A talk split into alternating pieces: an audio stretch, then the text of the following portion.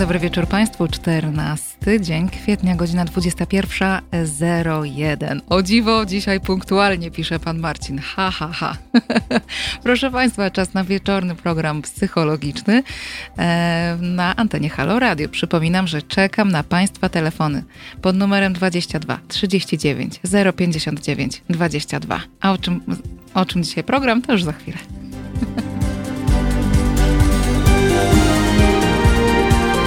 Halo Radio.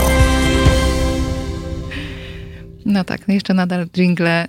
Nie, nie, nie, nie. To nie jest moja forma wyrazu. Mm, ja muszę długimi zdaniami do Państwa mówić. No i właśnie, podałam Państwu numer telefonu. Zachęcam Państwa bardzo serdecznie do tego, żeby się dzisiaj wdzwaniać do audycji, dlatego że już dawno Państwa nie słyszałam, tylko ciągle czytam te komentarze, co jest również miłe, ale wolałabym z Państwem porozmawiać, więc zachęcam do dzwonienia. Mm, dzisiaj e, będziemy rozmawiać na dwa bardzo ważne tematy. Z jednej strony porozmawiamy o tym, jak się mają osoby, którym którym normalnie jest trudniej, a w czasie pandemii pewnie jeszcze bardziej.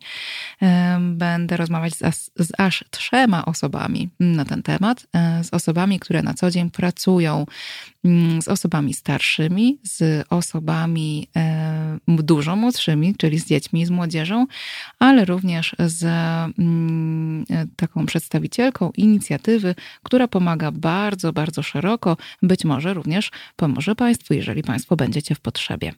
W drugiej części audycji porozmawiamy o tym, czym jest, a czym nie jest produktywność. I o dziwo, dlaczego jest tak, że im więcej się robi, tym wcale nie więcej się osiąga.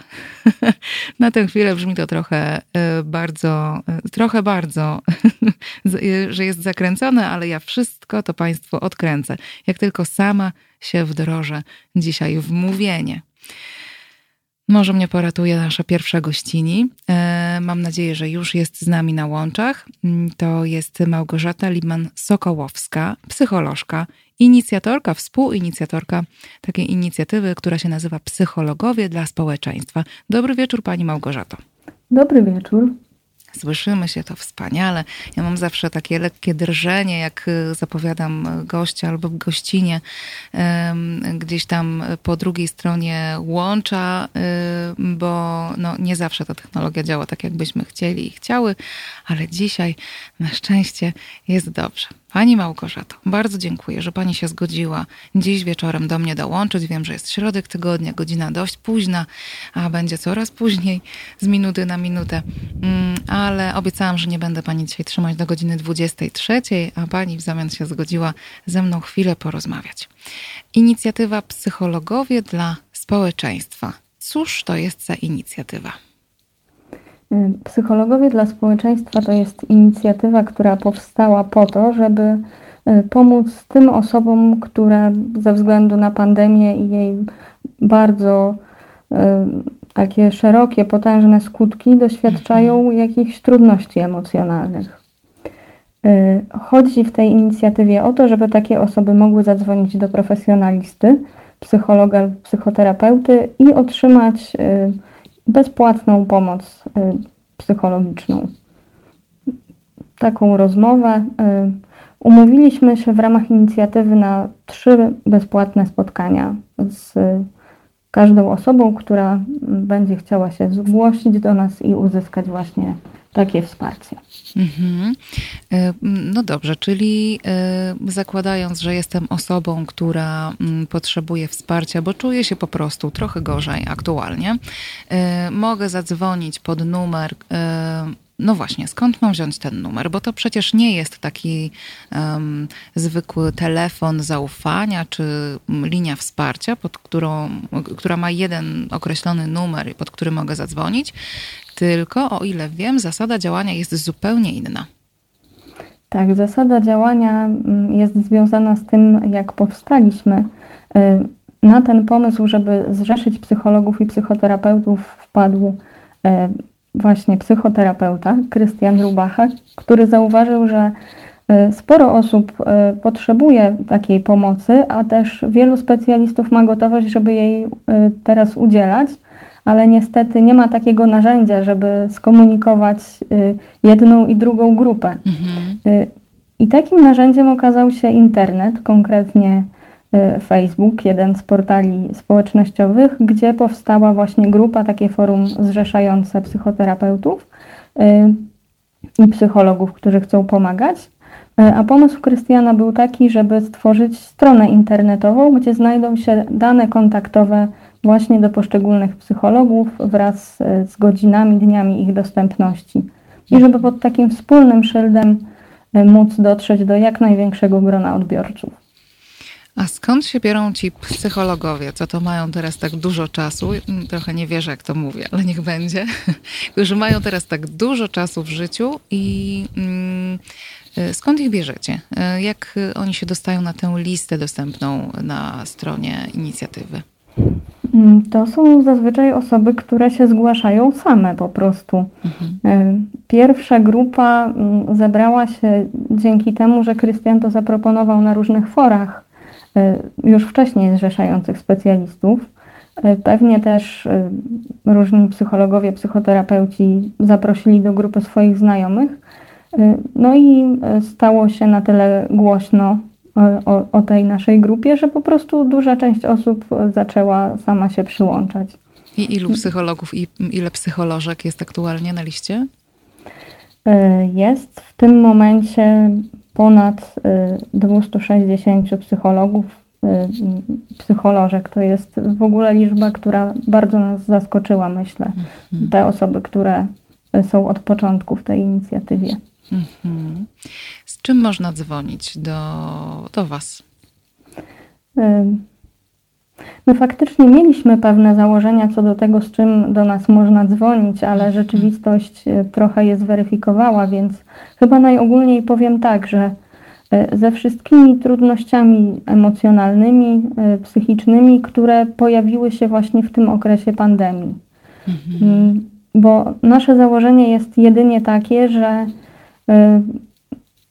nie mamy przestrzeni, możliwości zajęcia się y, jakimiś poważniejszymi trudnościami, zaburzeniami, które już y, bardzo długo trwały mhm. i akurat teraz ktoś się zdecydował na y, zgłoszenie się do psychologa.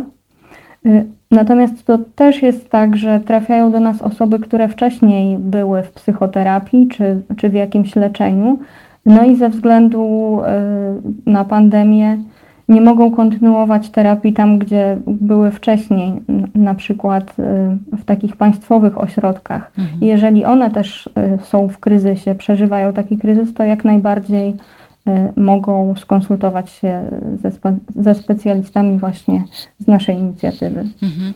Wydaje mi się, że to też y, nie ulega żadnej wątpliwości, że y, ten czas, który mamy teraz, te warunki, w których funkcjonujemy, to też jest niestety taki, no mówiąc trochę Y, pod włos, że to jest dobry czas na to, żeby się mm, przydarzyło, przydarzył nawrót y, jakiegoś już wcześniej leczonego zaburzenia, na przykład y, takiego jak depresja albo jak zaburzenia lękowe.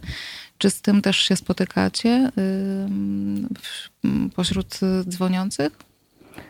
Tak, zdecydowanie się z tym spotykamy, bo Zwykle jest tak, że jeżeli e, ktoś ma predyspozycję do reagowania e, jakimś e, poważnym smutkiem, lękiem, który też przeradza się w zaburzenie, no to w sytuacji stresowej, a niewątpliwie jesteśmy wszyscy w takim stanie jednak przewlekłego stresu, niepewności, no to te emocje znowu się odzywają z taką bardzo dużą siłą i zdarzają się nawroty właśnie zaburzeń, często, często lękowych, często depresyjnych, y, wywołane tą sytuacją.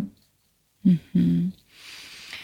Y, pan Marcin pisze: Nie przesadzaj, nie histeryzuj, nie płacz, to nie wypada, tak nie można. Tego typu rady padają przez telefon od y, specjalistów do osób dzwoniących? Nie, tego typu rad myślę, że dzwoniący nie mogą usłyszeć. Mhm. Myślę, że mm, mogą bardziej usłyszeć to, że teraz płaczesz, to, że się teraz boisz, to jest normalne, bo nikt z nas się nie spodziewał tej sytuacji. i taka reakcja jest adekwatna. Po prostu ważne, żeby też być z tym w kontakcie, funkcjonować, ale pozwolić sobie na te emocje. Mhm. No właśnie, to jest, y, muszę przyznać, że to pada w y, znakomitej większości y, moich audycji tutaj ostatnio, że właśnie mm, trzeba pobyć z tymi emocjami, trzeba sobie na nie zrobić przestrzeń, że to jest normalne, że to jest normalna reakcja na nienormalną sytuację. Ale mam wrażenie, że to trochę nie jest jasne dla słuchaczy, co to właściwie znaczy pobyć z emocjami. Może pani, pani Małgorzato, może tutaj jakoś y, tę sprawę y, rozjaśnić? Y, to znaczy, jeżeli na przykład jestem smutna, czy jestem smutny, to żeby się temu przyjrzeć, a nie za chwilę włączyć serial komediowy. Mhm. To nie znaczy też zagłębić się w ten smutek i dotrzeć do wszystkiego najsmutniejszego, co nam się w życiu przydarzyło, ale po prostu zaobserwować w ogóle ten fakt, że jest mi smutno. Y, zastanowić się nad tym, bo pewnie przeżywam jakąś stratę, stratę mojego dotychczasowego życia na przykład. Y, jak, tak tego, jak ono wyglądało, że pewne rzeczy teraz są niedostępne. Y, może można się na przykład rozpłakać, albo porozmawiać z kimś właśnie o tym, że przeżywam teraz smutek. Mhm. E, słuchacze mm, tutaj piszą o takim zjawisku.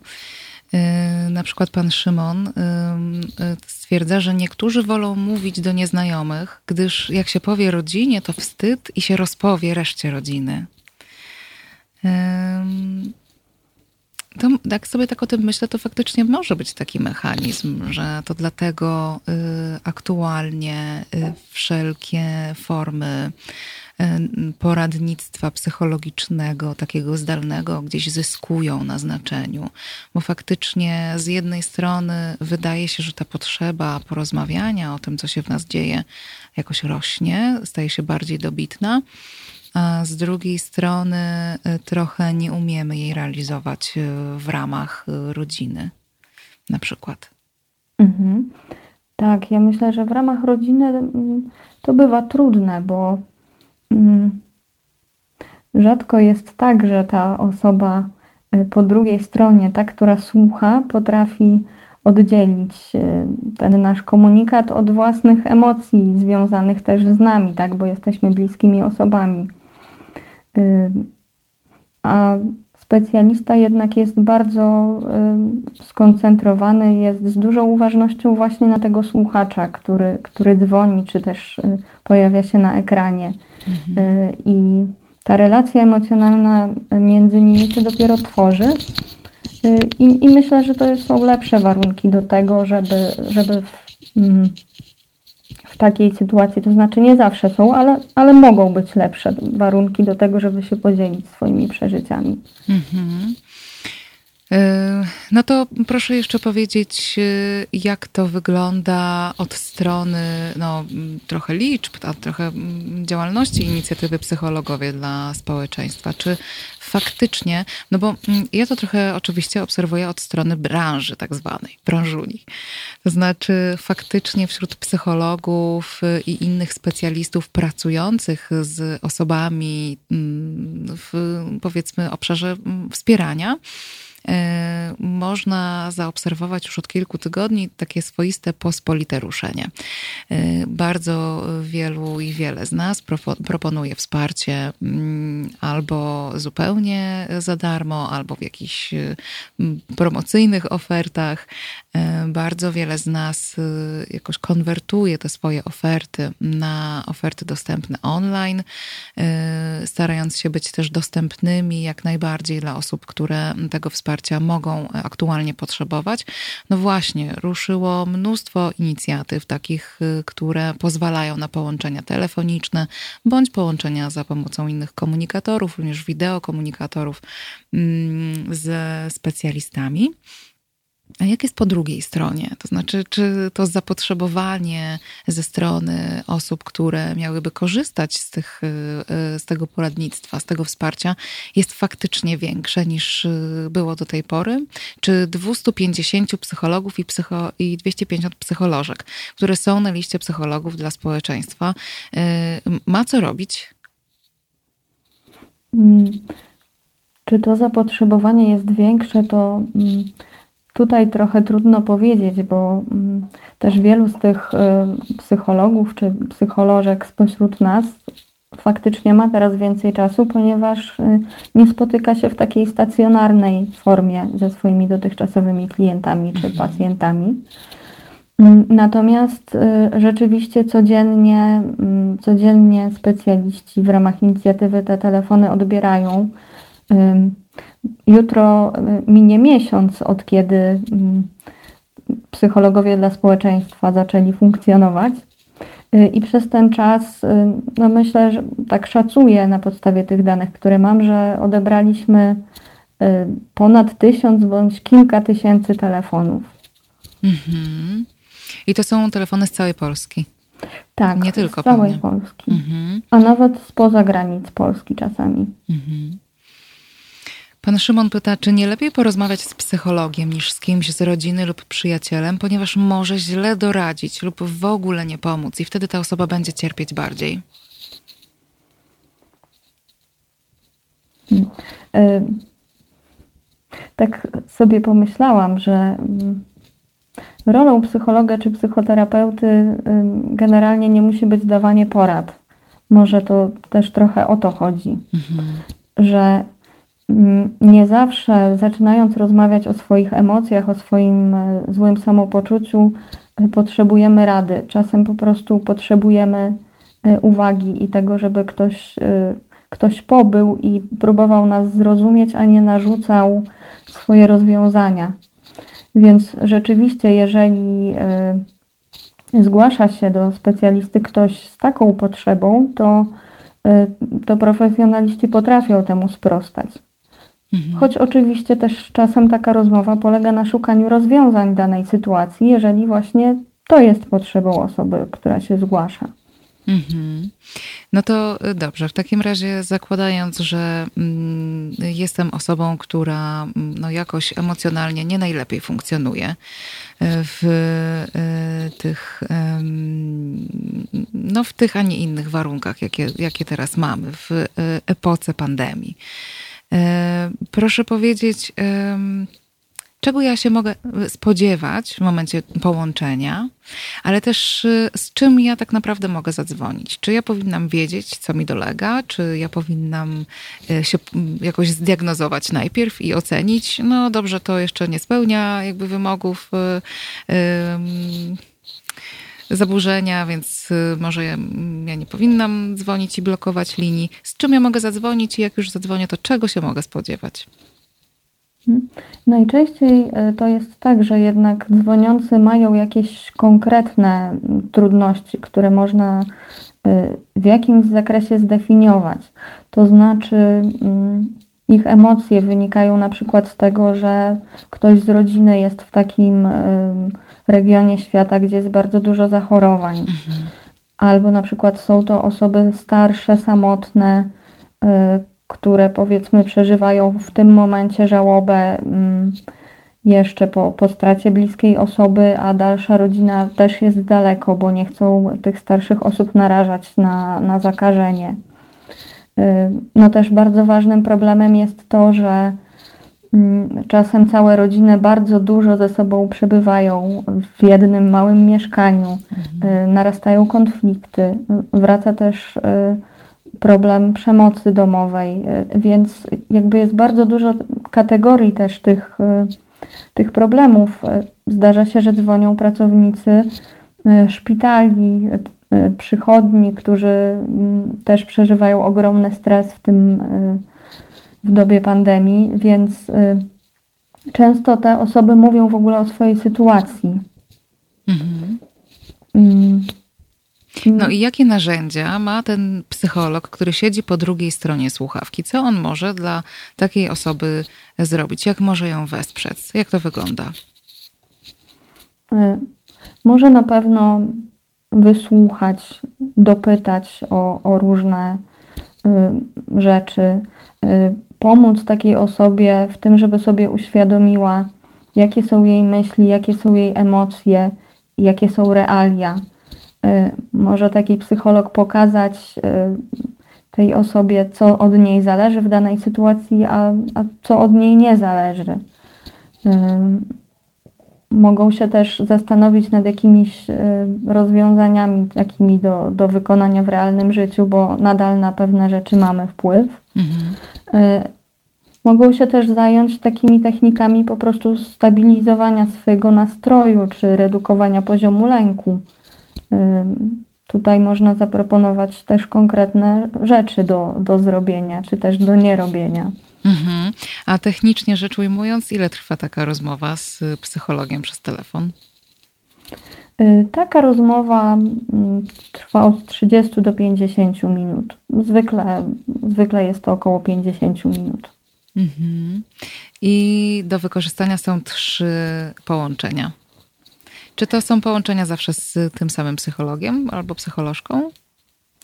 Y, to wygląda tak, że jeśli mm, dana osoba trafi właśnie do psychologa, psycholożki i ten y, specjalista czy ta specjalistka mają możliwość takiego spotkania, to po pierwszym, w czasie pierwszego z nich po prostu umawiają się na kolejne, czyli, mhm. czyli jest to kontakt z tą samą osobą. Mhm. Będziecie Państwo mieć dużo pracy, Pani Małgosiu, pisze Pani Janka. Mhm.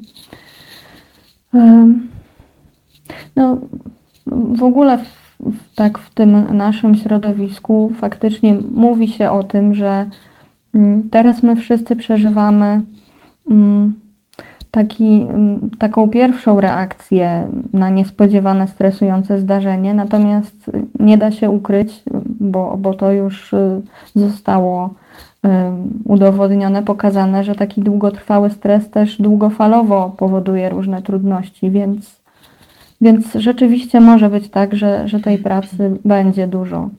Jakich trudności się spodziewacie? Albo jakich trudności się Pani spodziewa? tak naprawdę mm, nie wiemy tego, co, mhm. co, się, co się będzie dalej działo, jak w ogóle jako ludzkość zareagujemy na tę sytuację, y, ale na pewno będą wśród nas osoby, które mm, straciły bliskich, które będą w żałobie, które znalazły się w bezpośredniej sytuacji zagrożenia życia, y, no co, co może skutkować takimi trwałymi y, zaburzeniami. Myślę też, że takie lżejsze trudności adaptacyjne związane z całą sytuacją na świecie, z sytuacją ekonomiczną nas czekają. Też nie bez wpływu jest to wszystko na sytuacje interpersonalne, na, na kontakty z ludźmi. Ale mm, no, trudno mi powiedzieć, co będzie, tak? Wszyscy się mierzymy z ogromną nowością. Mhm, to prawda jakoś bardzo niewiele jest na razie, nawet nie, nie tyle badań, bo te badania to dopiero się odbywają, ale bardzo niewiele jest um, jakichś wniosków wiążących póki co. Nie ma za bardzo na czym na razie bazować, bo ta sytuacja aktualna zupełnie nie przypomina tego, z czym do tej pory funkcjonowaliśmy jako, jako specjaliści i co do tej pory było um, badane. Um, i to chyba, chyba tyle możemy na, na ten temat y, odnośnie tych y, przewidywań. My będziemy chyba jako specjaliści mieć to trudne y, zadanie, żeby obserwować bieżącą sytuację i na bieżąco reagować. I też nie zapominajmy o, takim też, o takiej też dbałości o siebie samych, o siebie same. Czy psychologowie dla społeczeństwa mają wsparcie też dla siebie? Y, tak. Y, jednak w tej grupie zawodowej jest spora świadomość y, tego, że mm, żeby dać wsparcie komuś, to też trzeba zadbać o siebie. Mamy takie szczęście, że mamy pomoc ze strony superwizorów, czyli takich bardziej doświadczonych specjalistów, z którymi też możemy się umówić i omówić emocje związane właśnie z tą pracą w ramach inicjatywy. Mhm. Też oni nas wspierają bezpłatnie. Poza tym od dzisiaj uruchomiliśmy coś takiego, mm, co nazwaliśmy wirtualnym pokojem socjalnym, czyli na jednej z platform wideo y, ta grupa zweryfikowanych specjalistów w stałych godzinach może się spotkać i po prostu porozmawiać ze sobą, co mhm. myślę no jest dużą wartością. Mm, oprócz tego mamy też y, taki system y, wewnętrznego wsparcia. Informujemy się o tym nawzajem E, kiedy ktoś ma czas na to, żeby porozmawiać z innym specjalistą z tej inicjatywy i wiem, że, że dużo osób z tego korzysta. Czyli taka koleżeńska superwizja. Tak. Mhm. No dobrze, Pani Małgosiu, dziękuję serdecznie za to, że y, była Pani dzisiaj z nami y, i za to, że Pani te troszkę, troszkę kulisy inicjatywy Psychologowie dla y, Społeczeństwa mm, odsłoniła. Proszę jeszcze powiedzieć, jak można Was znaleźć. Można nas znaleźć wchodząc na stronę www.psychologowie myślnik dla myślnik społeczeństwa.pl mhm. I tam jest lista numerów, pod które można dzwonić. Czy jest tak. jakiś podział, y, kto się bardziej zajmuje jakim tematem, czy y, można sobie na przykład wylosować albo wybrać takie nazwisko, które się bardziej podoba? Y, czasem jest informacja o tym, że ktoś na przykład bardziej pracuje z dziećmi i, i z rodzicami, ale takiego mm, ścisłego podziału tematycznego nie ma. Natomiast też jeżeli, jeżeli ktoś e, się zgłasza z jakąś specyficzną tematyką, to specjalista może przekazać kontakt do innego psychologa, psychoterapeuty, który bardziej się tym zajmuje. Mhm. I jeszcze dla, tak dla pewności, dla sprawdzenia, y, czy to jest tak, że psycholog pracujący nieodpłatnie przez telefon bądź przez komunikator jest nadal zobowiązany kodeksem etycznym psychologa i obowiązuje go y, tak jak y, w każdej innej, w każdym innym kontekście tajemnica zawodowa i cały pakiet tych kwestii, które chronią prywatność i bezpieczeństwo no, klienta. Oczywiście zdecydowanie mm, psycholog, psychoterapeuta jest zawsze y, zobowiązany y, kodeksem etycznym, natomiast w tych okolicznościach y, myślę, że wręcz jesteśmy bardziej na to wyczuleni, uważni, bo też warunki pracy są trochę inne niż zwykle. Mhm. Dziękuję Pani Małgosiu serdecznie. Y, dziękuję bardzo. Y, życzę dobrej nocy. Y, I, a Państwa zapraszam na bardzo krótką muzyczną przerwę ze zespołem Manam.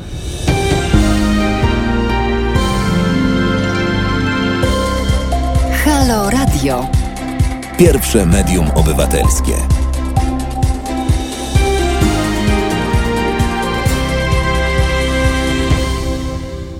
Dobry wieczór Państwu, Joanna Frejus. To jest Halo Radio, wieczorny program psychologiczny. Jest 21.33, 14 dzień kwietnia. Przed chwilą rozmawialiśmy z e, panią Małgorzatą e, Libman-Sokołowską, psycholożką z inicjatywy Psychologowie dla Społeczeństwa, e, która opowiedziała nam o tym, jak to teraz jest z, to, z tym zapotrzebowaniem na wsparcie i mam nadzieję też, że Państwa nieco ośmieliła do tego, żeby korzystać z takiej formy wsparcia, no właśnie telefonicznego, w momentach, kiedy Państwo czujecie, że może jest to jakoś potrzebne. Obserwuję Państwa mm, rozmowy na naszym czacie y, tuż przy transmisji na żywo na YouTubie i muszę przyznać, że y, Państwa, panowie konkretnie, jesteście w takim nastroju filozoficznym mocno. E, tu się toczy, proszę Państwa, dyskusja na temat pesymizmu, e, na temat e, tego, co to oznacza i jak łatwo zmienić swoje własne myśli. Mm. Ale muszę przyznać, że faktycznie mm, panowie macie taki, mm, taką chyba dobrą intuicję na temat tego, że, zmienia, że, że ze zmienianiem myśli jest coś y, na rzeczy.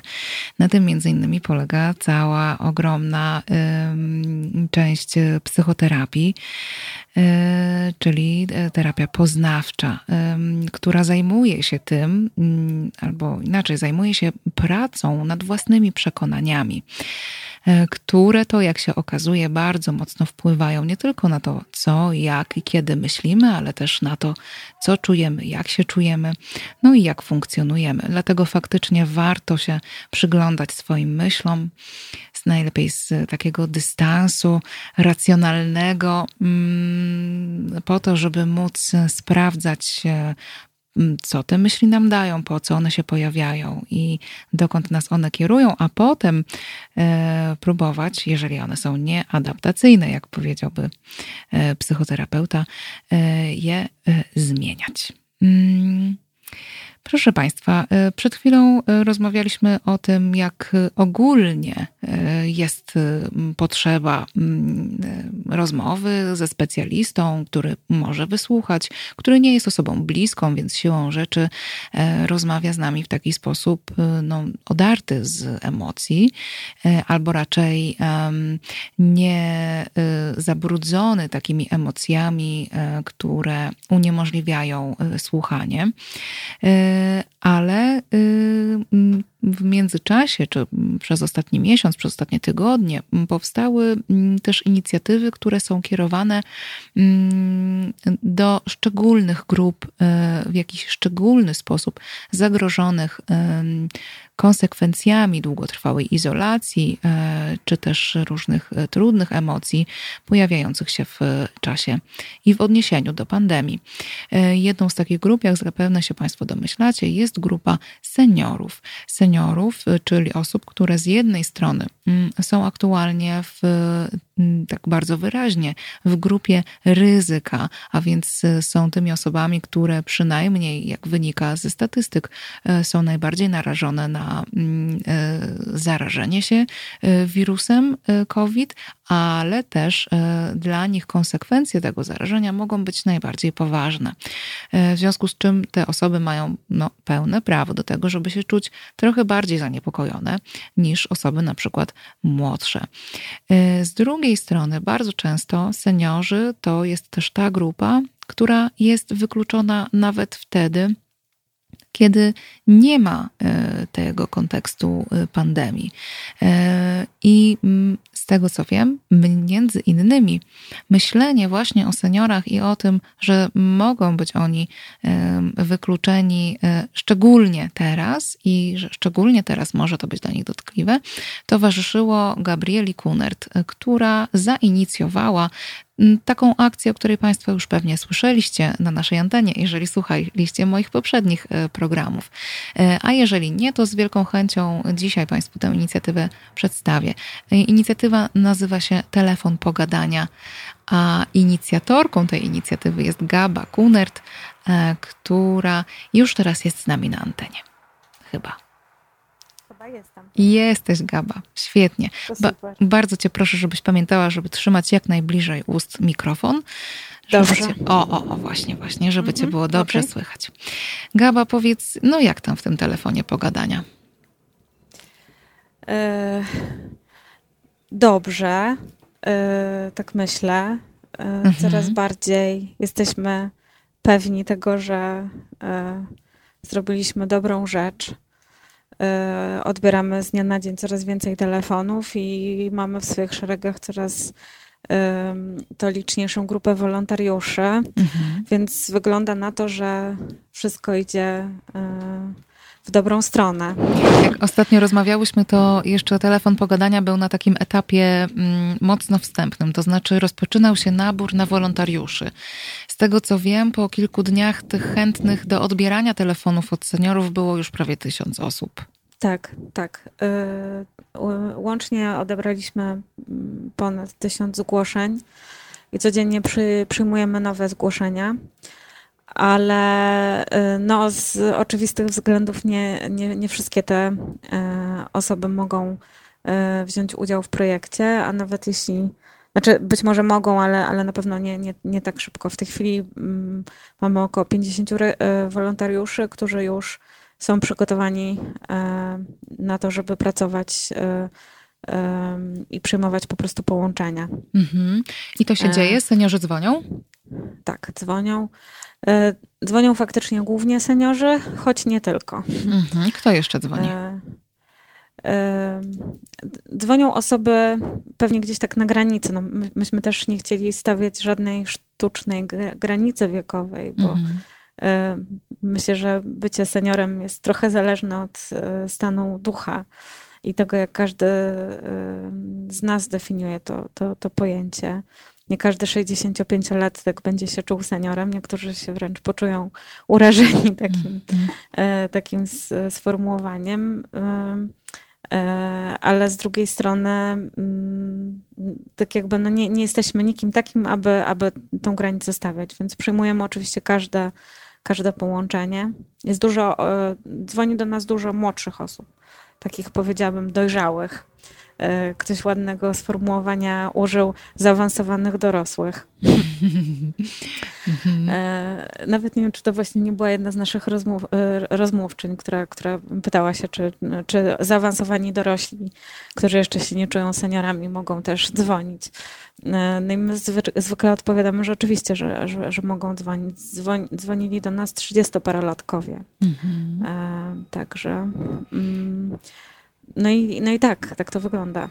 E, telefon pogadania był e, czynny, telefony były odbierane przez całe święta. Czy to był taki czas tak. jakiegoś nasilenia?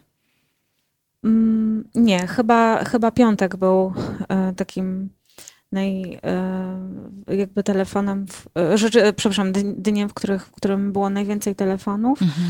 I potem, mimo że byliśmy przygotowani na odbieranie nawet większej liczby połączeń, to tych połączeń aż tak wielu nie było. Czyli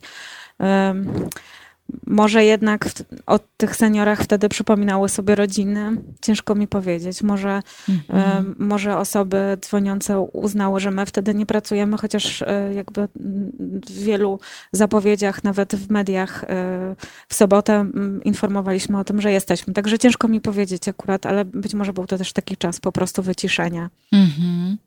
E, no dobrze, ale w wszystkie inne dni jednak telefon pogadania. Tak, dzwoni. tak, tak. Znaczy mhm. ja y, nie powiedziałam, że w ogóle nie dzwoniło telefon, one po prostu nie dzwoniło częściej. Jakoś okay. mi, mi, między jakby wychodzi na to, że, że to jest jakaś taka równomiernie rozkładająca się amplituda. Na, na, pewno widać zwiększoną liczbę połączeń po jakichś wzmiankach, e, szczególnie w mediach e, mhm. takich wie, więcej zasięgowych, czyli na przykład w telewizji. Mhm. Więc, więc tych połączeń było, a tak na co dzień rzeczywiście jest po kilkadziesiąt mm, połączeń dziennie. A powiedz, y, no bo tak, y, ty podkreślasz często mm, to, że telefon pogadania jest właśnie, y, tak jak sama nazwa wskazuje, telefonem, pod który się dzwoni wtedy, kiedy chce się po prostu porozmawiać. Tak. Że wcale to nie jest tak. taki, mm, taki numer, pod który się dzwoni tylko wtedy, kiedy się potrzebuje specjalistycznej porady. Tak. Że wcale tego telefonu nie odbierają psychologowie, chociaż na pewno też, bo, jednak... Są wśród nas też przez no psychologowie. Właśnie. Mhm. Jak już ustaliłyśmy z Małgorzatą przez, przed chwilą, psychologowie to są podobno y, te osoby, które teraz mają trochę więcej czasu w życiu, mm. więc y, się w takie inicjatywy naturalnie angażują, więc również i w telefonie pogadania można się z tymi tak. psychologami spotkać i połączyć. No ale większość wolontariuszy to są jednak osoby, które żadnego takiego specjalistycznego doświadczenia we wspieraniu nie mają. I sam nie. telefon też takiej roli y, nie ma odgrywać. To znaczy, tu nie chodzi o to, że trzeba czekać, aż mm, będzie się miało jakiś problem y, tak. natury emocjonalnej bądź innej, żeby podnieść słuchawkę. Mhm. Dokładnie tak jest. E, sama potrzeba porozmawiania i kontaktu z drugim człowiekiem wystarczy, żeby e, po taki telefon sięgnąć i po prostu do nas e, zadzwonić. I często właśnie takie preteksty są podawane. Naprawdę tych, tych rozmów jest wiele, one są bardzo różnorodne. Oczywiście zdarzają się też osoby dzwoniące, które są w jakimś poważniejszym kryzysie nie wiem, czy to emocjonalnym, czy, czy depresyjnym, ale są też naprawdę przeróżne inne przypadki. Bardzo często osoby dzwonią do nas niejako pod pretekstem, żeby trochę zapytać, jak to działa. Mhm. Po prostu. Właśnie nie, jakoś nie mogą albo może uwierzyć, albo chcą po prostu zweryfikować tą informację, którą gdzieś e, na którą gdzieś tam trafiły w, e, w, w mediach, czy ktoś im mm, podetknął taki numer pod, e, pod, pod nos. Dzwonia do nas jedna pani, która, która, która, którą się opiekuje zięć E, I ten zięć właśnie powiedział, dał jej kartkę z telefonem i powiedział, mamo, to coś dla ciebie, możesz tam zadzwonić i sobie po prostu pogadać. No i ta mhm. pani zadzwoniła do nas i zapytała się, czy rzeczywiście tak jest, jak zięć powiedział, że ona tu może zadzwonić i po prostu pogadać. No i tak się zaczynają bardzo często po prostu fajne rozmowy o życiu i o, i o wszystkim. Ja mam wrażenie, jak ciebie słucham, że to jest trochę, y, że to trochę w dwie strony działa. To znaczy, z jednej strony te osoby, które mm, dzwonią, y, to rzeczywiście gdzieś y, dostają tę uwagę, o którą im być może chodziło, ale jak mówisz o tym i słyszę ten uśmiech, bo nie mhm. muszę go widzieć, to mam wrażenie, że to też jakoś świetnie działa na osoby, które odbierają ten telefon. Tak, tak. Masz rację i, i z całym też takim zamętem i trochę jednak e, stresem, który jest związany z uruchomieniem tego projektu, z tym, że on działa, że, że właśnie zmagamy się z jakimiś takimi mm, małymi problemami dotyczącymi tego, jak to powinno działać, że czasem są jakieś usterki, czasem kogoś wywali z systemu i tak dalej. To ta energia, którą czujemy pomiędzy nami, wolontariuszami na tych dyżurach jest po prostu niesamowita. Ja myślę, że E, że bylibyśmy gotowi, żeby tych połączeń odbierać e, dużo więcej i być może nawet przez cały dzień, bo, bo, bo jest już cała naprawdę świetnie zorganizowana rzesza tych wolontariuszy. Trochę się między sobą nawet kłócą, że ten chce ma trochę więcej mieć tego dyżuru, ten trochę dłużej chciałbym porozmawiać. Mhm. I, to, i, I to jest rzeczywiście cudowne. I widać, że też te rozmowy nam absolutnie potrafią przeorganizować wszystko w naszych umysłach, tak? Bo dzwoni 90-paroletnia pani profesor z Krakowa, która ma po prostu przepiękną refleksję, z którą chce się podzielić. Ktoś dzwoni e, i prosi o to, żebyśmy zapisali jego modlitwę. E, mhm. Kto inny dzwoni z, z wierszem, który napisał i to nie E, jakby nie, nie, dzwoni, bo sam się czuje samotny, tylko dzwoni po to, żeby przekazać ten wiersz innym osobom, które się czują samotne. Także -hmm. to są naprawdę mm, piękne momenty, pięknych wzruszeń, piękne historie życia różnych osób. Mm, no i no tak, no, masz rację, to, to działa w dwie strony. -hmm. Pan Marcin pyta, czy y, y, przyjmujecie jeszcze wolontariuszy? tak, cały czas przyjmujemy wolontariuszy, y, chociaż rzeczywiście ten ten proces od momentu napisania do nas maila, czy zgłoszenia się do momentu e, właśnie włączenia się do rozmowy z kimś e, trochę trwa. E, też postawiliśmy sobie jakąś tam granicę, której nie chcemy przekraczać, znaczy, że chcemy, żeby ci wolontariusze byli przygotowani z różnych stron. W związku z tym ten proces chwilę trwa, ale jak najbardziej przyjmujemy wolontariuszy. Mhm. Czyli co trzeba zrobić, żeby zostać wolontariuszem telefonu pogadania albo wolontariuszką? Um, no, przede wszystkim trzeba się do nas zgłosić, najlepiej przez stronę internetową. Mm, potem trzeba czekać na kontakt, e, albo jeszcze wcześniej trzeba sobie wybrać, do którego profilu wolontariuszy najbardziej się pasuje, bo tych profili już mamy aż cztery. To znaczy, to są wolontariusze rozmówcy, tak jak ich nazywamy to są osoby, które pomagają e, w zespole rekrutującym wolontariuszy. E, są wolontariusze opiekunowie. To są takie osoby, które właśnie mają e, dużo większe wykształcenie, czy dużo większe doświadczenie, jakieś specjalistyczne wykształcenie związane ze wsparciem osób w kryzysie. I to są, to są takie osoby, które mogą przejąć lub wspomóc no, takie trudniejsze przypadki, nazwijmy to, czy, czy, czy trudniejsze rozmowy, z którymi E, ten taki zwykły, niedoświadczony wolontariusz może sobie nie poradzić. Także to trzeba wybrać sobie, do, do której grupy wolontariuszy chciałoby się dołączyć. No i potem poczekać na rozwój wypadków. My się odzywamy do takiej osoby, rozmawiamy. Trzeba podpisać też umowę wolontariacką. E, przejść pewne szkolenie. No i tak to potem już po, myślę, około tygodnia, dwóch można zacząć przyjmować połączenia. Mhm. Czy telefon pogadania to jest taka inicjatywa, która się zakończy razem z y, y, okresem izolacji społecznej, czy będzie trwać? Ja mam nadzieję, że będzie trwać i że starczy nam siły i rozpędu, żeby to trwało dużo, długo, dużo dłużej jeszcze, bo rzeczywiście wygląda na to, że te osoby, które do nas dzwonią, y, skarżą się na y, niedogodności i na tą izolację, ale to nie jest, y, według mnie, większość z tych osób mm -hmm. była już izolowana, że tak powiem, wcześniej. Często to są osoby na przykład niepełnosprawne, które siłą rzeczy się nie ruszają z domu. Często to są osoby właśnie całkowicie samotne, które nie mają żadnej rodziny ani bliskich znajomych.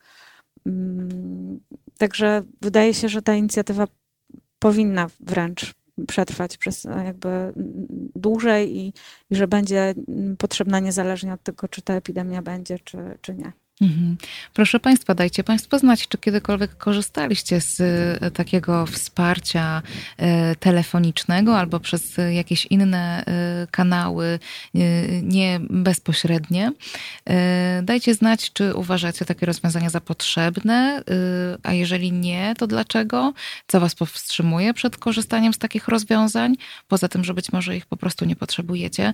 Mm, dzwońcie pod 22 39 059 20 22, albo piszcie swoje komentarze. Odczytuję na bieżąco komentarze na YouTubie y, i również te, które pojawiają się na Facebooku. Y, Gaba, trochę z innej beczki. Pan Marek mhm. pyta, czy używanie pojęcia seniorzy i traktowanie osób 65 plus jako grupy tak zwanej specjalnej troski to nie ageism?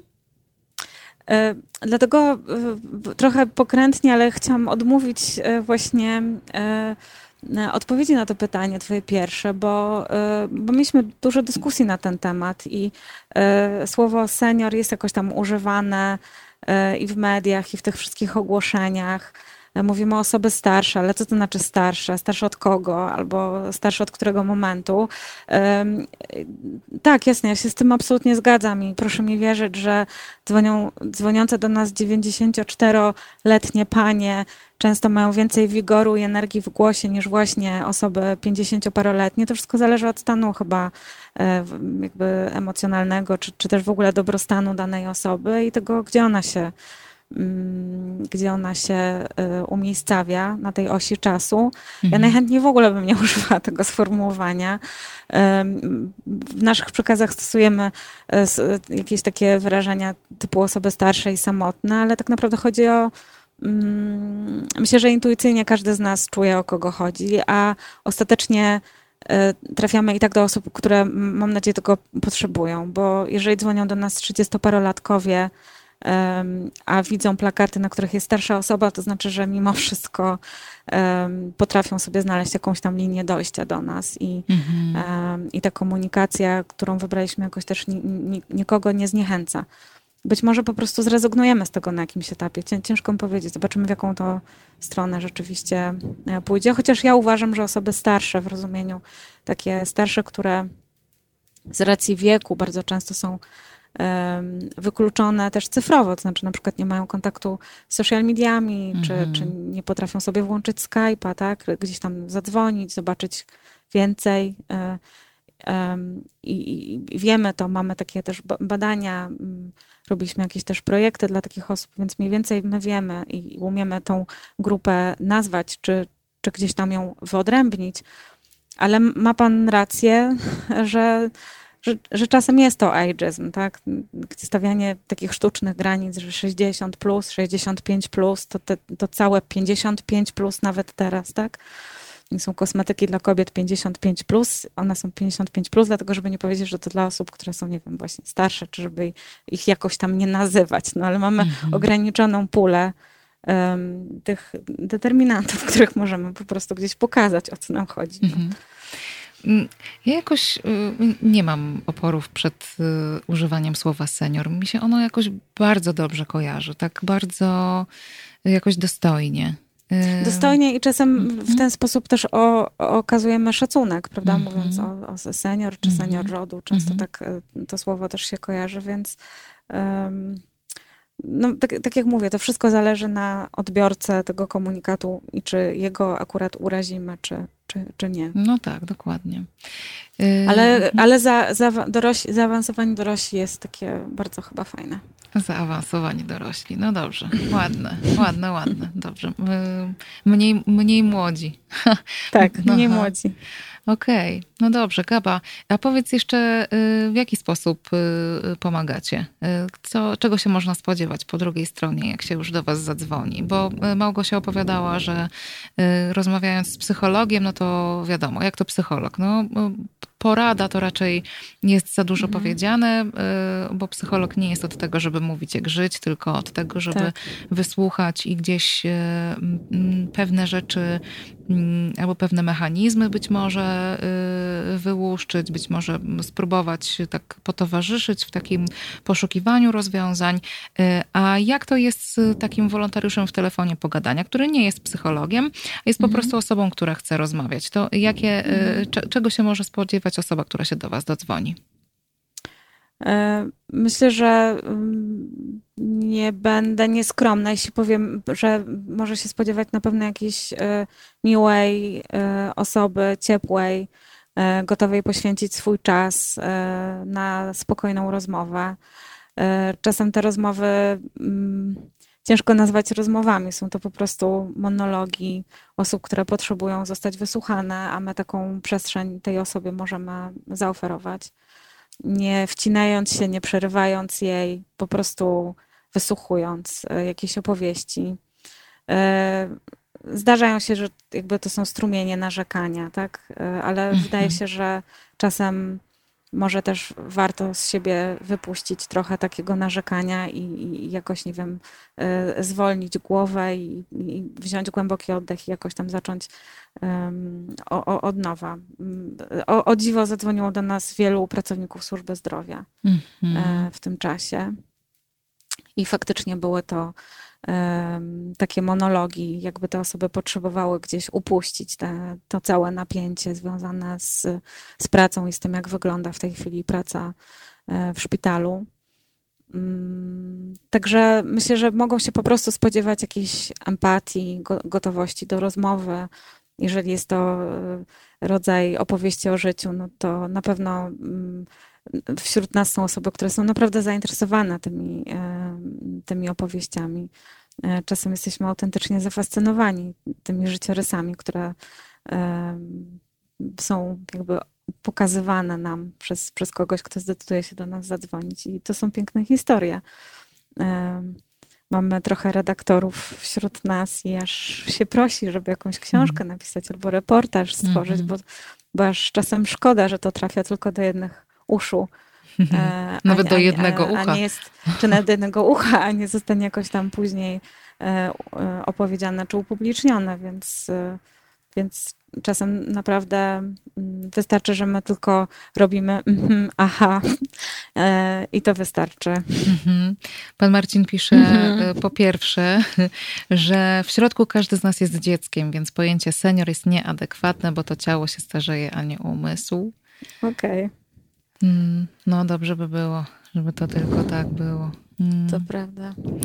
Y, I pan Marcin też pisze, y, że w zasadzie to równie dobrze można by wybrać pierwszy lepszy numer, niby przez pomyłkę i trafić na kogoś, kto byłby skłonny nas wysłuchać. Ja właściwie y, tak sobie pomyślałam, panie Marcinie, jak to przeczytałam, że ja bym bardzo chciała, żeby pan taki eksperyment dla nas przeprowadził. Żeby pan wybrał na przykład pięć przypadkowych zupełnie numerów i sprawdził, czy tam po drugiej stronie y, będzie osoba, która będzie skłonna wysłuchać pana y, opowieści o, o, o życiu na mhm. przykład. I proszę mhm. koniecznie dać znać, jak poszło, bo mm, ja też mam takie y, zapędy w myśleniu, że, mm, że to jakoś by się mogło udać, bo ludzie generalnie gdzieś y, tak w sobie są bardzo życzliwi, ale mam pewne obawy, że jednak to, jak wygląda aktualnie życie na planecie Ziemia, y, po prostu nie sprzyja takiemu, takiej otwartości. Ale być może w czasach pandemii, jak wszyscy są na home office na przykład, to mhm. może by się mogło udać. Nie wiem. Pan Marcin pisze, że próbował. No to proszę dać znać, jak to było. Ile tam, ile osób y, na, na pięć, ile osób było w stanie porozmawiać porozmawiać, tak faktycznie poświęcić swój czas. A oprócz tego, Gaba, dostajesz też ukłony, bo mm, pan Marcin stwierdził, że się bardzo miło słucha osoby, która czerpie radość z tego, co robi. Mhm. Dziękuję. Od, odwzajemniam ukłony. Proszę Państwa, bardzo serdecznie Państwu polecam inicjatywę Telefon Pogadania. Jak Państwo słyszycie, nie tylko w takim kontekście dzwonienia i jakoś nawiązywania y, kontaktu, relacji z osobą po drugiej stronie, ale też być może w kontekście mm, zostania wolontariuszem bądź wolontariuszką, mhm. bo mhm. to, jak się okazuje, mm, jest bardzo taka dwustronna y, relacja, y, czyli zupełnie inny, inny kontekst kontekst, inny sposób działania niż e, taki właśnie psychologiczny e, telefon, który, który odbierają specjaliści, no, którzy siłą rzeczy mm, są bardziej nastawieni na, na ten jednostronny, na taką jednostronną wymianę. Gaba, dziękuję Ci bardzo. E, Dzięki. Wszystkiego dobrego w rozwijaniu telefonu i, i oby jak najwięcej osób mogło z niego czerpać, czy to dzwoniąc, czy odbierając telefony. Dziękuję. Można też przekazywać tą informację o tym, że taki projekt istnieje po prostu swoim znajomym, sąsiadom. Można im zostawić karteczkę, e, czy, czy wszelkie tego typu inicjatywy oddolne, sąsiedzkie też są mile widziane. Wiem, mhm. że kilku, co najmniej kilku właśnie naszych rozmówców zadzwoniło do nas, bo ktoś im przekazał ten numer i i, i, I, to też działa, tak trochę poczta pantoflowa w, te, w ten sposób.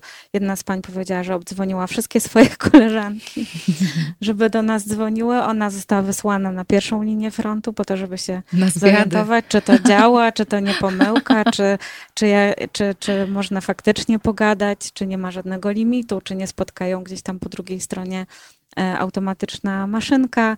E, no i powiedziała, że, że miło się rozmawiało i że będzie rekomendowała to wszystkim swoim koleżankom. Mm -hmm. Zaczęła obdzwaniać te koleżanki, więc potem miałyśmy sporo e, telefonów od właśnie mm, koleżanek pani Krysi. No to ciekawe, że one ze sobą nawzajem nie rozmawiały, tylko jednak... Może im ciągle się... mało. Aha, może już znają wszystkie te historie tak, po prostu. Tak, no tak, dobrze. Tak. Pan Marcin pisze, że na pięć telefonów to trzy były trafne, tylko że to było x lat temu i, i no i ciekawe, jak, jak bardzo to były trafne. A znowu pan Szymon y, pisze, że, y, y, że on tak jakby próbował, bo jakiś pijany nastolatek zadzwonił do niego o trzeciej w nocy. Pani Szymonie, ja nie wiem, czy to nie był pan Marcin te mm, x lat temu. Nie przyznaję się, ale może. No ale pan Szymon pisze, że, że, że, że porozmawiał z tą osobą, się wcale nie rozłączył od razu. No to super, to super, dobrze. To ciekawe, co tam było ciekawego do opowiadania też. Może to ta historia była jakaś taka wciągająca. Gaba, tak czy inaczej, dziękuję Ci serdecznie. Wielkie dzięki. E, dobrej nocy, no i do usłyszenia. Będę tam sprawdzać co jakiś czas. Dobrze, e, dobrze, trzymam za słowo. Dzięki, trzymajcie Dzięki, się. Dziękuję. Dobra. Proszę Państwa, y, krótka muzyczna przerwa. Państwa namawiam nadal do dzielenia się swoimi, y, no również kolejnymi opowieściami o tym, jak Państwo korzystali mniej lub bardziej y, zamierzenie ze wsparcia telefonicznego albo za pośrednictwem innych komunikatorów. Mm, piszcie na YouTubie, na Facebooku albo dzwońcie, a mm, zanim się zbierzecie w sobie, żeby zadzwonić, to muzyczna przerwa i Red Hot Chili Peppers.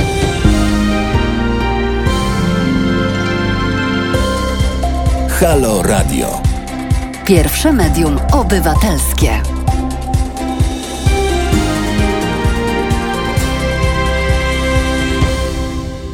Dobry wieczór Państwu, Joanna Frejus, Halo Radio. Y, wieczorny program psychologiczny, wtorkowy, bo dziś wtorek, prawda Tamara? Wtorek, dobrze. Chyba tak. No, jakoś obydwie jesteśmy w czasu przestrzeni trochę pogubione. 22.11 w każdym razie na zegarze, bo to widzę. Na zegarze właśnie. E, proszę Państwa, dziś rozmawiamy o tym, e, z jakich form wsparcia warto korzystać w jakich momentach. Szczególnie no, mam tu na myśli wsparcie zdalne, no bo na takie e, aktualnie myślę najlepiej jest liczyć. Mm, mm, rozmawiamy też o tym, jakie grupy mm, społeczne mają możliwość korzystania z takiego wsparcia, a jakie są w szczególnej potrzebie, jeśli chodzi o takie wsparcie.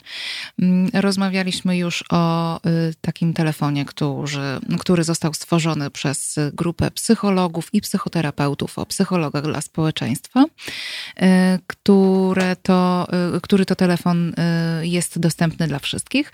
Rozmawiałyśmy przed chwilą y, z kolejną gościnią o telefonie skierowanym do osób, y, jak to było Tamara? Zaawansowanych dorosłych? dla zaawansowanych dorosłych.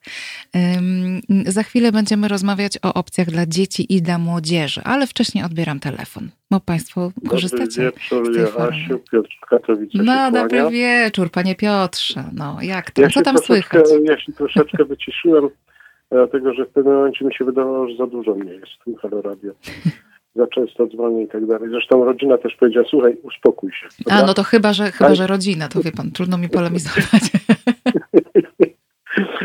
ale, ale jednak uznałem, że warto zadzwonić, bo przefajna audycja, przefajnie się słucha.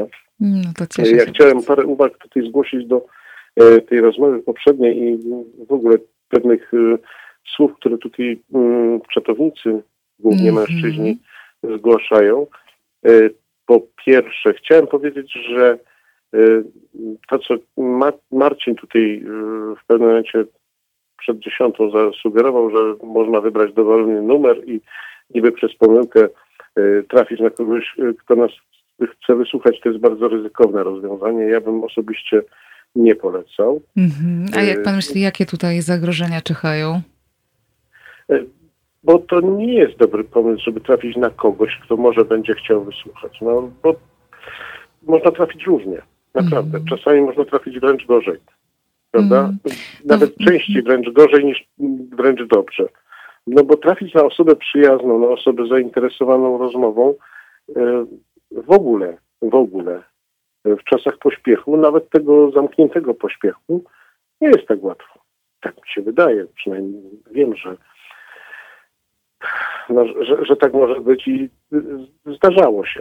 E, natomiast, Wie pan co, e, powiem panu, że ja to, ja to, sobie lubię eksperymentować i mm, no co prawda nie dzwonię pod nieznane numery i nie próbuję rozmawiać, e, ale zdarza mi się jakoś tak podejmować próbę rozmowy z nieznajomymi gdzieś na ulicy albo w sklepie. A nie, no to jest całkiem inna, to jest, widzisz, no tak. Jasiu, to jest całkiem inna sytuacja, dlatego, że wiesz z kim rozmawiasz. Widzisz, ale i to się nie zawsze udaje, muszę przyznać. Jest no nie, oczywiście, bo bólem. chęć chęć do nawiązania bezpośredniego kontaktu wzrasta wraz z izolacją. Mm -hmm. To znaczy w momencie, kiedy jesteśmy zamknięci w domach, ta gotowość do takiej rozmowy nawet w tej kolejce co dwa metry jest dużo większa niż kiedyś, prawda? Bo e, tutaj bardzo fajnie mówił to e, już nie wiem, Mariusz, -hmm. że w Warszawie wszyscy biegają. No więc jak z ludźmi biegającymi rozmawiać? No przecież trudno biegać razem z nimi. No to by się w zasadzie mogło udać. A ostatnio to jest jak gdyby łatwiej, prawda? No bo te kolejki, bo to wszystko. Ale to powiedzmy, że to jest generalnie nawiązywanie kontaktu przez telefon z osobą nieznajomą dla mnie, z mojego doświadczenia, miałem parę takich przypadków, że autentycznie całkiem mm, po prostu przypadkowo wykręciłem telefon, który gdzieś tam miałem zapisany, nie ten, bo już się zmienił użytkownik. Mhm. No i trafiają różnie. Raczej gorzej niż dobrze. Mm-hmm. Ale to tak tylko, żeby rozważyć to. Druga sprawa, którą chciałem, moment, ja tylko się napiję troszeczkę. Mm. Ja się akurat też chciałam napić, widzi pan, Panie no, Piotrze, żeśmy się zgrali. Ja Dobrze, ja już, się biorę, ja już się biorę do roboty, e, do mówienia. E, druga sprawa, którą chciałem poruszyć, mianowicie, żebyśmy sobie spokojnie całkiem podeszli do tematu e, nazewnictwa, wiekownictwa i tego typu różnych historii. Mm-hmm. Dlatego, że Światowa Organizacja Zdrowia, nie wiem czy to ona, ale wiem, że gdzieś w bardzo poważnych gremiach bardzo e, wyraźnie przesunięto granicę tak zwanej senioralności, jak to ładnie nazwano, e, bo ona już dzisiaj się znalazła gdzieś tam ponad, wyraźnie ponad 70.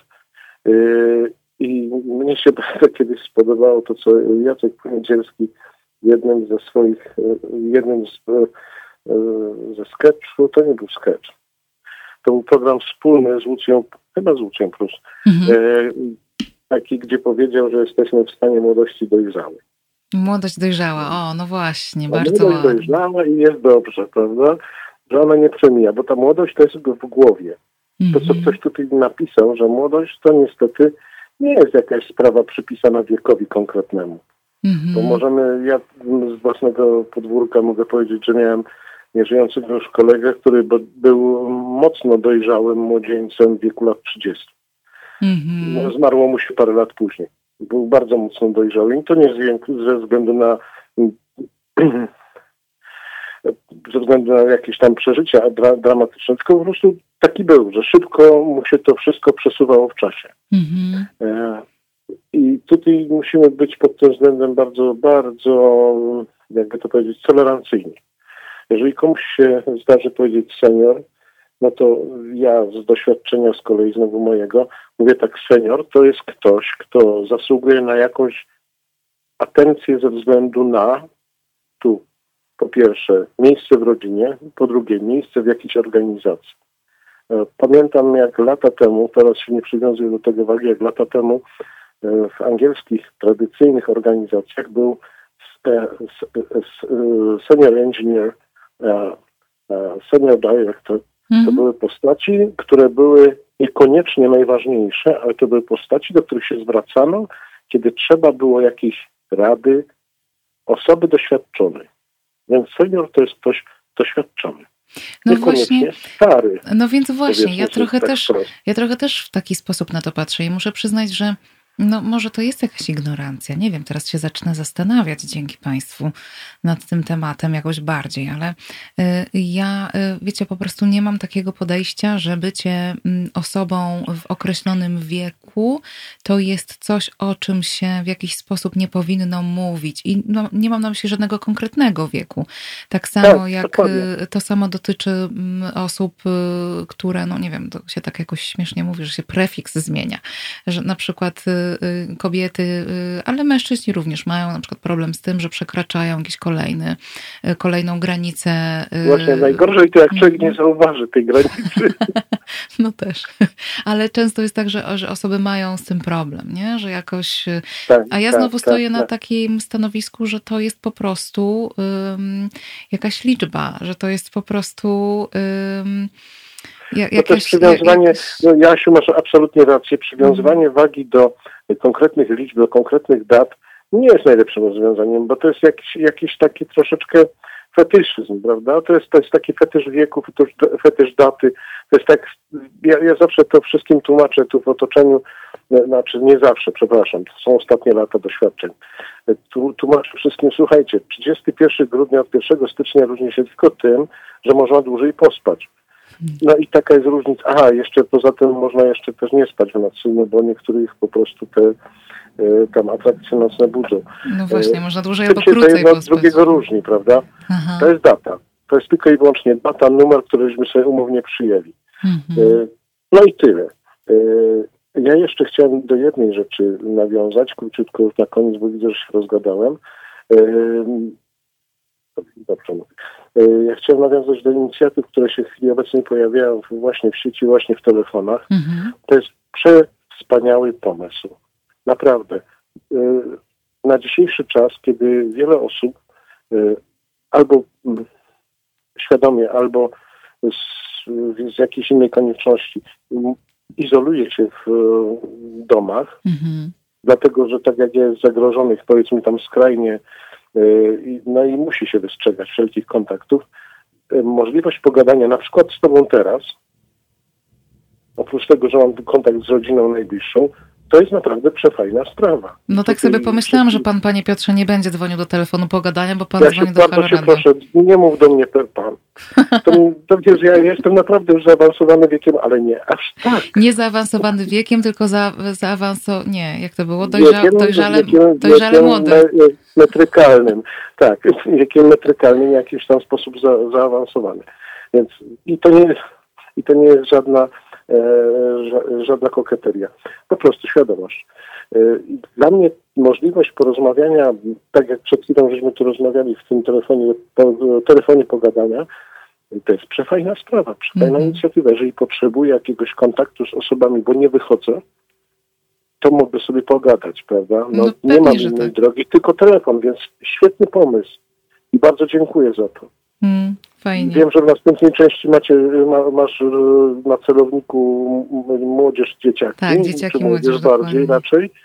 E, To naprawdę jest przefajne, przefajne. Mm. Dziękuję bardzo za tą audycję. Dzięki Piotrze w takim razie. Mhm. Miłego. Dziękuję. Dobrej I nocy. zdrowia, zdrowia. No, oczywiście. Przede wszystkim. Ach, nie zdążyłam powiedzieć. Piotr, oni się już tutaj z nas śmieją na tym czacie, że po prostu też przez pomyłkę dzwonisz tutaj do Halo Radio. A y, pan Szymon, że nie, nie, że jednak y, już znasz numer na pamięć i że przez pomyłkę czasami dwa razy w ciągu jednej audycji dzwonisz. No jacy tutaj zgryźliwi wszyscy. Panowie, no proszę też dzwonić po prostu i to, to wtedy nie będzie tutaj jakiejś takiej przepychanki, no, niezdrowej. Mm, Dobrze. Mm, Skoro dla prowadzącej wiek jest tylko liczbą, zaraz zapytamy o wiek. Byłoby wymiksowanie się od odpowiedzi. No, nie wiem, nie wiem. Pan Piotr zadzwonił specjalnie, Piotr, przepraszam, zadzwonił specjalnie, także tak, no nie było tutaj żadnej pomyłki. Ja się bardzo cieszę w takim razie. Chociaż jak ktoś do mnie zadzwoni przez pomyłkę, to też się stara być miła. Jakoś tak mam, wiecie. E, Ja lubię, jak się ludzie dobrze czują jednak. Mm, Zazwyczaj. Art Capital pisze, y, że ciężko pracuje i że y, wymaga pocieszenia. No, y, ja zaraz będę o tej pracy mówić, jak zdążę. Bo póki co, słuchajcie, przełączamy się na temat, na temat telefonu dla dzieci i młodzieży. Y, Na linii z nami jest y, Paula, y, którą znacie już z poprzednich programów. Paula jest koordynatorką telefonu zaufania dla dzieci i młodzieży prowadzonego przez Fundację Dajemy Dzieciom Siłę. Paula, jesteś z nami? Jestem, jestem. Dobry wieczór. Nie zasnęłaś, dobrze. A jesteś już w piżamie? Jeszcze nie zdążyłam niestety się przebrać. No dobrze, bo Paula, Ale proszę jestem w Państwa... wygodnym domowym stroju. Dobrze, świetnie. Paula, proszę Państwa, pierwsze pytanie, jakie zadała, kiedy ją poprosiłam o połączenie w tak późnej godzinie, y, to y, zapytała, czy to będzie z wideo.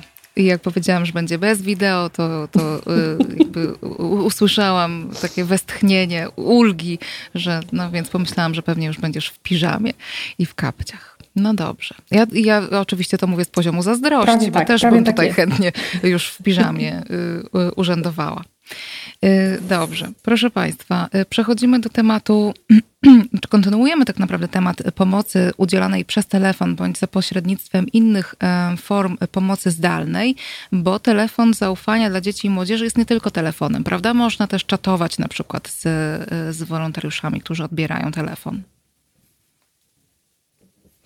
Czatować nie, ale można wysyłać wiadomości y, online, takie mm, jednoskładnikowe. To nie jest taki, tak na zasadzie y, czatu, że można coś napisać i natychmiast się dostaje odpowiedź, tylko to są bardziej długie, takie listowne wiadomości. Mhm.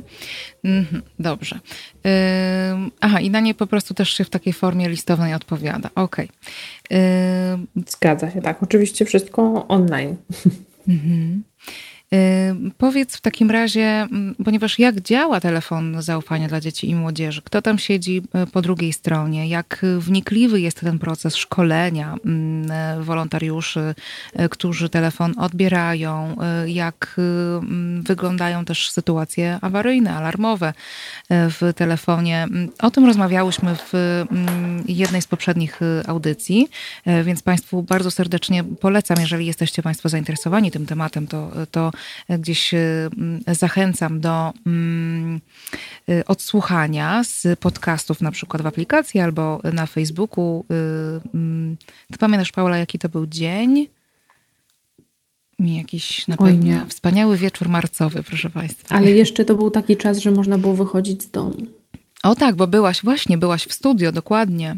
To ja już wiem, to był 10 marca. Ha, proszę, proszę.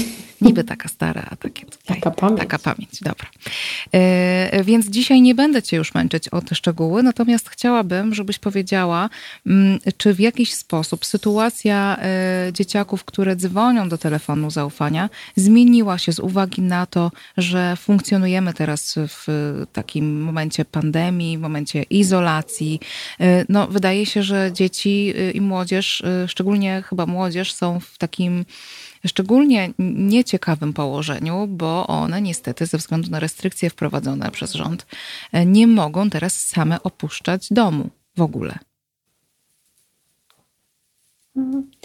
Zgadza się, niestety tak, tak to wygląda i sytuacja się zmieniła pewnie tak jak nas wszystkich, ale mm, młode osoby to szczególnie odczuwają, zwłaszcza, że, e, że ich e, wiek też rządzi się trochę innymi prawami niż na, nas osób dorosłych. I młode osoby bardzo potrzebują tego kontaktu ze swoimi rówieśnikami, wyjścia z domu i też większej swobody. Natomiast no, te restrykcje są bardzo trudne do przestrzegania przez młode osoby i jak, jakoś one bardzo dużo o tym mówią, dużo, dużo o tym e, opowiadają w telefonie. Co też jakoś ciekawe i co się zmieniło, to to, że dużo więcej piszą wiadomości niż wcześniej a nieco e, mniej do nas telefonują, co nie znaczy, mhm. że telefon nie dzwoni, bo nadal dzwoni cały czas. Natomiast też widzimy to mm, i słyszymy od dzieci, bo mówią o tym, że im jest teraz trudno dzwonić i opowiadać o swoich trudnościach, kiedy mają w domu rodzica no w tym samym pomieszczeniu albo za ścianą. I to jest bardzo krępujące, niezręczne często dla dzieci, e, ale też zagrażające bywa, więc e, faktycznie jest tak, że one bardziej teraz do nas piszą. Wiadomości dostaliśmy dwa razy tyle w marcu niż w poprzednim miesiącu. To naprawdę ogrom. To jest tak, że tych wiadomości przychodzi około 80 dziennie teraz. Mhm. Okej, okay. a czy jakoś, no bo ilościowo y, się być może jakoś zasadniczo nie zmieniło, a czy ta y, różnica jakościowa nastąpiła? To znaczy, czy pojawiają się teraz jakieś, y, z, z czymś szczególnym teraz dzieciaki mają większy problem? Chyba e, z mnóstwem rzeczy. Można by było powiedzieć, że w ogóle ten czas e, epidemii i koronawirusa jest takim tematem, który się pojawia głównie, ale w różnych odsłonach bo dzieci przy okazji, przy okazji tego tematu e, przeżywają różne trudności i to są trudności związane mm, z różnymi aspektami. Bardzo szerokie jest to spektrum od tego, że, że odczuwają niepokój czy lęk o swoich bliskich, o siebie, e, o swoje zdrowie, o to, co się zadzieje w ogóle, tak, e, no, taką globalną też sytuację. To oczywiście też prowadzi do, do poważniejszych sytuacji, kiedy dzieci jakoś nie widzą sensu dalszej egzystencji nie widzą sensu życia, mówią o tym, że mają myśli samobójcze. Też są to osoby, młode osoby, które do tej pory już na przykład mierzyły się z różnymi trudnościami, czy to z depresją, czy, czy z innymi E, właśnie e, e, zaburzeniami związanymi ze zdrowiem psychicznym i, no i teraz to się pogłębia. To jest też tak, że często słyszymy, że dzieci nie mają teraz pomocy, na przykład psychologa czy psychiatry, z której korzystały do tej pory, albo ta pomoc jest w tak ograniczonym stopniu, że, że to nie wystarcza po prostu. Słyszymy od dzieci, że, że nie mają recepty na kolejne leki, mhm. które powinny brać i muszą same jakby przerwać tą terapię. Mm, oczywiście też pojawia się przemoc, konflikty w domu, napięcie w domu, sytuacja szkolna. No, można by było o tym rozmawiać pewnie północy albo dłużej. Mhm. E, problemem jest brak kontaktu z rówieśnikami. E, problemem jest siedzenie na siłę w domu, szczególnie jeśli jest to dom patologiczny. E, to pułapka, pisze pan Marcin. Gdzieś y, mam też y, mocno w pamięci e, te mm, grafiki, które Fundacja Dajemy Dzieciom Siłę y, publikuje u siebie w mediach społecznościowych, e, które właśnie bardzo alarmują na temat tego, że ten poziom przemocy aktualnie y, jest y, dużo wyższy, że mm, niestety ta skumulowana frustracja, skumulowany stres, lęk, y, takie trudne emocje mm, niestety powodują to, że, że tej przemocy jest coraz więcej. Na, na to nakłada się oczywiście niemożność wyjścia z, z tej sytuacji albo po prostu z domu. E, powiedz, jak wy y, sobie, może nie tyle jak wy sobie radzicie w tej sytuacji, ale co wy możecie zaproponować tym dzieciakom, które dzwonią, które się w takiej sytuacji e, no, bycia e, w, gdzieś w kontekście tej rosnącej przemocy, albo przynajmniej bardzo rosnącego napięcia w domu znajdują? To, co powiedziałaś, to faktycznie i to, to, to, to, co przeczytałaś też komentarz, myślę sobie, że faktycznie można by taki dom nazwać pułapką i on bardzo często jest tą pułapką dla młodych osób. E, dla wielu młodych osób. I to, co dzieci słyszą od nas, dzwoniąc i opowiadając o takich sytuacjach, właśnie, że są zamknięte w domu z osobami, które stosują wobec nich przemoc, to na pewno jest e, takie zapewnienie o tym, że, mm, że tak nie powinno być. I bez względu na to, jaką mamy sytuację teraz na świecie, czy jest czas e, pandemii, czego nie ma, dziecko ma swoje prawa, one nadal są aktualne i nadal powinny być respektowane i nikt nie ma prawa dziecka krzywdzić.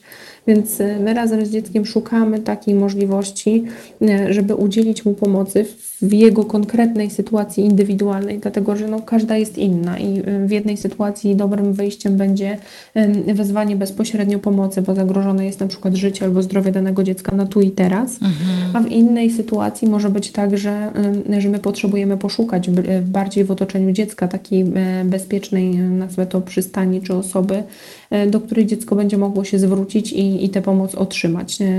Nadal jakby działają różne instytucje, co prawda niektóre w nieco ograniczonym, ograniczonej formie, czy mm, trochę na zmienionych zasadach, ale one nadal działają i, jest, i możemy wzywać pomoc. Też to, co powstało teraz, jeśli chodzi o przemoc w ogóle, to e, to chociażby aplikacja Twój Parasol, mhm. czyli taka aplikacja, nie wiem, na pewno słyszałaś Asiu o niej. Tak, ale w kontekście przemocy wobec kobiet bardziej.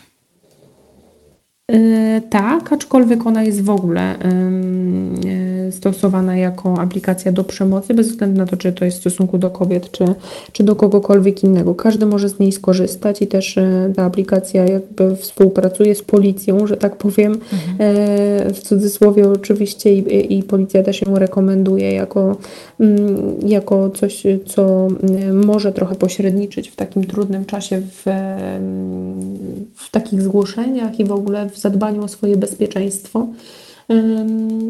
Dlatego myślę sobie, że, że też ważne, żeby, żeby jak najwięcej osób wiedziało o tym, że może z tego skorzystać, bo e, tak jak wcześniej rozmawiałyśmy, trudno jest nam teraz, będąc w jednym pomieszczeniu z, ze sprawcą przemocy, zadzwonić na przykład na policję i wezwać pomoc, bo to jest e, ogromna obawa o swoje bezpieczeństwo i tutaj e, bez względu na to, czy to są osoby dorosłe, czy dzieci, no dzieci tym bardziej będą się bały tego, co się dalej z nimi zadzieje i co się zadzieje w tej sytuacji, czy ta przemoc się nie nasili, więc tym bardziej takie, mm, takie aplikacje, myślę, i takie, takie w ogóle y, systemy pomocy, zwłaszcza w tym czasie, są bardzo potrzebne. Mhm. Pan Marcin pyta, czy ta aplikacja się sprawdza. No pewnie nie jesteś w stanie odpowiedzieć jako y, osoba, która by jej używała, że tak powiem, w konkretnej sytuacji, ale czy masz takie sygnały, jak to się sprawdza osobom, które potrzebowały takiego wsparcia? Ja wiem na pewno, że ona działa i że y, też y, są takie sygnały y, od policji, które też ja jakby o, o, nich wiem, że, że ta aplikacja działa, że ona mm, służy, że te zgłoszenia faktycznie przychodzą. Z niej można się bezpośrednio połączyć z numerem 112, żeby wezwać pomoc. Można też robić notatki, dokumentować różne jakby sytuacje, które później nam e, jakoś mogą pomóc takie zgłoszenie zrobić. Można tam dostać e, sporo też edukacji na temat tego, gdzie w najbliższym otoczeniu można szukać pomocy. Mhm. Więc myślę, że pod takim względem się sprawdza. To, co jest też ciekawe, to taki w ogóle interfejs tej aplikacji, czyli to, jak ona wygląda, że ona imituje aplikację pogodową, czyli teoretycznie jest taką dość dyskretną formą do, do zgłoszenia ewentualnej przemocy, bo jak wiemy, no, bardzo trudną ofiarą przemocy jest się zdecydować na takie zgłoszenie. Jest mnóstwo obaw o to, co się zadzieje dalej, jak zareaguje sprawca, czy przemoc się nie nasili, czy sytuacja się nie pogorszy. Dlatego to jest też bardzo ważne, żeby właśnie była ta strefa dyskrecji i myślę sobie, że taka aplikacja właśnie to zapewnia. Dzisiaj też e, natknęłam się mm, w mediach społecznościowych na kolejną taką formę. To się nazywało nie chciałabym skłamać, ale chyba rumianki i bratki. Mhm. I to jest, mm, to ma, stworzyła to w ogóle licealistka, jak się zdołałam dowiedzieć.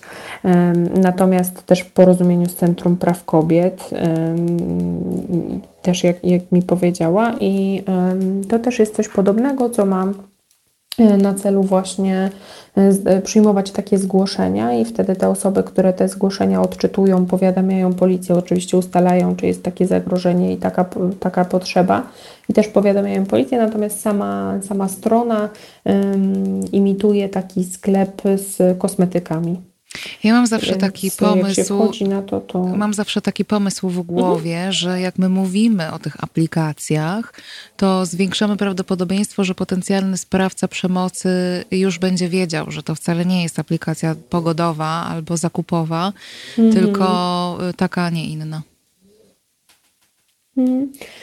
Wiesz, pewnie tak, e, natomiast też trudno jest o tym nie mówić, bo wtedy też e, nie będą wiedziały o tym osoby, które mogłyby z tego skorzystać. No właśnie. Mhm. Więc myślę sobie, że jakiś kanał komunikacji i opowiedzenia o tych aplikacjach jest potrzebny nie wiem, y, wiesz, co gorsze, tak, i co, co może przynieść jakiś gorszy efekt. Ja myślę sobie, że ważne, żeby ludzie wiedzieli o tym, że coś takiego istnieje. I też tak myślę sobie o tym, że potencjalny właśnie sprawca przemocy może też mieć to gdzieś z tyłu głowy, mhm. że, że to jednak nie jest tak, że nikt o tym nie będzie wiedział, że nikt tego nie usłyszy, że nikt tego nie zgłosi, że się nie dowie, mhm. bo tych mhm. aplikacji może być całe mnóstwo i tak naprawdę trudno jest śledzić wszystko i, i wiedzieć, więc e, być może, y, być może to chociaż będzie taką przestrogą, taką edukacją dla tych osób, które stosują przemoc, że nie mają prawa tego robić, i, y, a osoby, które tego doświadczają, mają prawo szukać pomocy i mają prawo być bezpieczne. Mhm. Y, tutaj słuchacze się zastanawiają, co właściwie może aktualnie zrobić policja. Założyć niebieską kartę. Mamy stan epidemii, więc i tak wszystko stoi w miejscu, pisze pan, pisze pan Marcin. Jak to wygląda w praktyce? Mhm. W tej chwili. E, w praktyce to wygląda tak, że te zespoły działają nadal tylko w nieco ograniczonym e, nieco ograniczonej formie. E, takie, te wszystkie informacje są zawarte, chociażby można o tym przeczytać na stronie fundacji, bo też tam zawarliśmy to, jak teraz wygląda procedura niebieskiej karty. No to dużo tego jest, więc nie będę tutaj na antenie tego przytaczała, ale oczywiście zachęcam do zapoznania się na stronie, jak to działa teraz. Nadal działa. Też te osoby pracują zdalnie, choć tak jak mówię, faktycznie jest to ograniczone. Tak samo pracują ośrodki pomocy społecznej. Też nie pracują w terenie pracownicy, tylko w wyjątkowych sytuacjach. Mniej tego, tej pracy terenowej teraz jest z tego, co zdołałam się dowiedzieć. Natomiast e, dalej są w kontakcie z rodzinami, które e, mają pod opieką i dalej e, tą swoją pomoc świadczą. Faktycznie jest teraz tak, że trudniej jest o tę pomoc, dlatego też ja mówię o, o tych możliwościach, o tych e, aplikacjach, z których można korzystać, bo to jest bardzo ważne, żeby osoby, które doświadczają takich trudności, czy doświadczają przemocy, nie czuły się teraz osamotnione, bo to jest dla nich ogromny cios i jakby pozostawianie ich sam, samym sobie, bo to i tak w większości są osoby zalęknione, którym bardzo trudno jest o czymkolwiek powiedzieć i i poprosić o pomoc. Natomiast w takiej sytuacji, kiedy one wiedzą, że, że to jest tym bardziej utrudnione, no jeszcze bardziej je to wycofuje. Mhm. E, a też jakby myślę sobie, że to jest bardzo ważne, żeby one wiedziały o tym, że nadal mogą prosić o wsparcie i że to nie, nie jest tak, że trzeba być e, e, teraz mieć niewydolność oddechową, żeby się zgłosić po pomoc, bo, bo jakby żyjemy nadal i różne aspekty życia nas nadal dotyczą, więc to, to na tym by mi bardzo zależało, żeby te wszystkie osoby, które mają jakieś trudności, wiedziały o tym, że, że ich problemy są ważne, że to nie jest tak, że teraz najważniejszy jest koronawirus. Mhm. To jest jakoś bardzo ważne, to co mówisz, że to osamotnienie mm, spowodowane takim poczuciem, że już nic innego nie jest ważne, tylko walka z wirusem, to jest po prostu nieprawda, proszę Państwa. Jeżeli mierzycie się z jakimikolwiek trudnościami, to naprawdę to jest też czas, żeby, y, żeby się zatroszczyć o siebie. Y, mówimy trochę mm, y, tak jakby do osób, które by ewentualnie mm, mogły potrzebować wsparcia, żeby wiedziały, że mogą zadzwonić na policję, bo policja będzie reagować na takie wezwania, że mogą użyć na przykład specjalnej aplikacji która im pomoże się skontaktować z policją wtedy, kiedy być może nie mają ku temu warunków, bo mm, są po prostu w jednym pomieszczeniu cały czas ze sprawcą przemocy. Że są telefony, pod które można dzwonić z jednej strony interwencyjne, czyli takie, które znowu pomogą wezwać pomoc, a z drugiej strony takie mm, numery, pod którymi można uzyskać wsparcie również psychologiczne już w momencie y, nie takiego, nie tego ostrego kryzysu, tylko, tylko jak już się jest w miarę mm, bezpiecznym, bezpieczną i, i wtedy mm, z takiego wsparcia skorzystać, żeby się po prostu po takiej sytuacji móc podnieść. Że działają ośrodki wspierające w takich sytuacjach, że można się zgłaszać do miejsc, które przecież są też teraz możliwości, być może te ośrodki, z których hostele na przykład, teraz dostęp do nich jest utrudniony, ale za to ośrodki mają możliwość udostępniania na przykład mieszkań, e, w których e, mogą się pojedyncze osoby czy pojedyncze rodziny znajdować. Więc e, jest tego wsparcia bardzo dużo. No, oczywiście mogłoby być więcej, jak zawsze, no ale jakieś te opcje, z których można korzystać są, więc warto próbować po nie sięgać.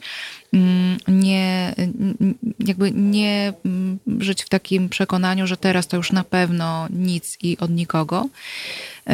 Natomiast ja bym chciała, żeby tutaj jeszcze wybrzmiało też to, jak bardzo ważne jest to, żebyśmy też my, jako osoby, które nie są aktualnie ofiarami przemocy, reagowały po prostu, bo oczywiście y, jest to opcja, y, mm, którą y, mogą albo nie mogą, ale gdzie można informować o tym osoby, które są ofiarami przemocy, czy, które, czy których te akty przemocy dotyczą, że one mogą próbować szukać tego wsparcia w służbach różnych, ale chciałabym, żebyśmy podkreśliły, jak bardzo ważna rola jest w nas, y, sąsiadach, osobach, które widzą albo słyszą taki akt przemocy, osobach, które wiedzą, że ta przemoc się dzieje gdzieś w mieszkaniach, w domach, za ścianą, za płotem, po drugiej stronie ulicy, na tym samym osiedlu, że po prostu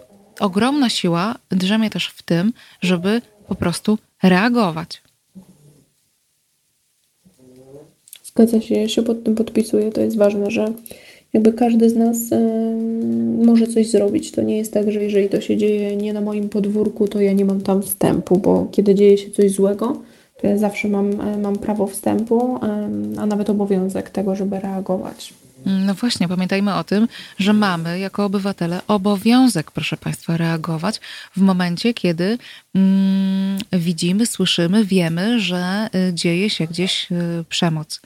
Pan Szymon pisze, sąsiedzi wolą nie mieszać się do nie swoich spraw, przez co dzieje się coraz gorzej w takiej rodzinie. Mm. Pan Marcin się y, dzieli taką historią, że miał kiedyś za ścianą taką, no tu bym powiedziała w cudzysłowie, patologiczną rodzinę i przyznaje, że bił się z myślami, czy zadzwonić na policję, czy w jakiś sposób pomóc, y, no właśnie ze względu na dzieci, które były w tej rodzinie. Mm, I akurat ta sytuacja się zakończyła, y, powiedziałabym, pomyślnie, bo pan Marcin pisze, że znalazł dziadków, że znał dziadków tych dzieci y, i ich poinformował. I to oni po prostu zareagowali i w tej chwili są rodziną zastępczą dla tych dzieci. No ale nie zawsze ta sytuacja się mhm. tak, y, mm, tak udaje tę sytuację rozwiązać.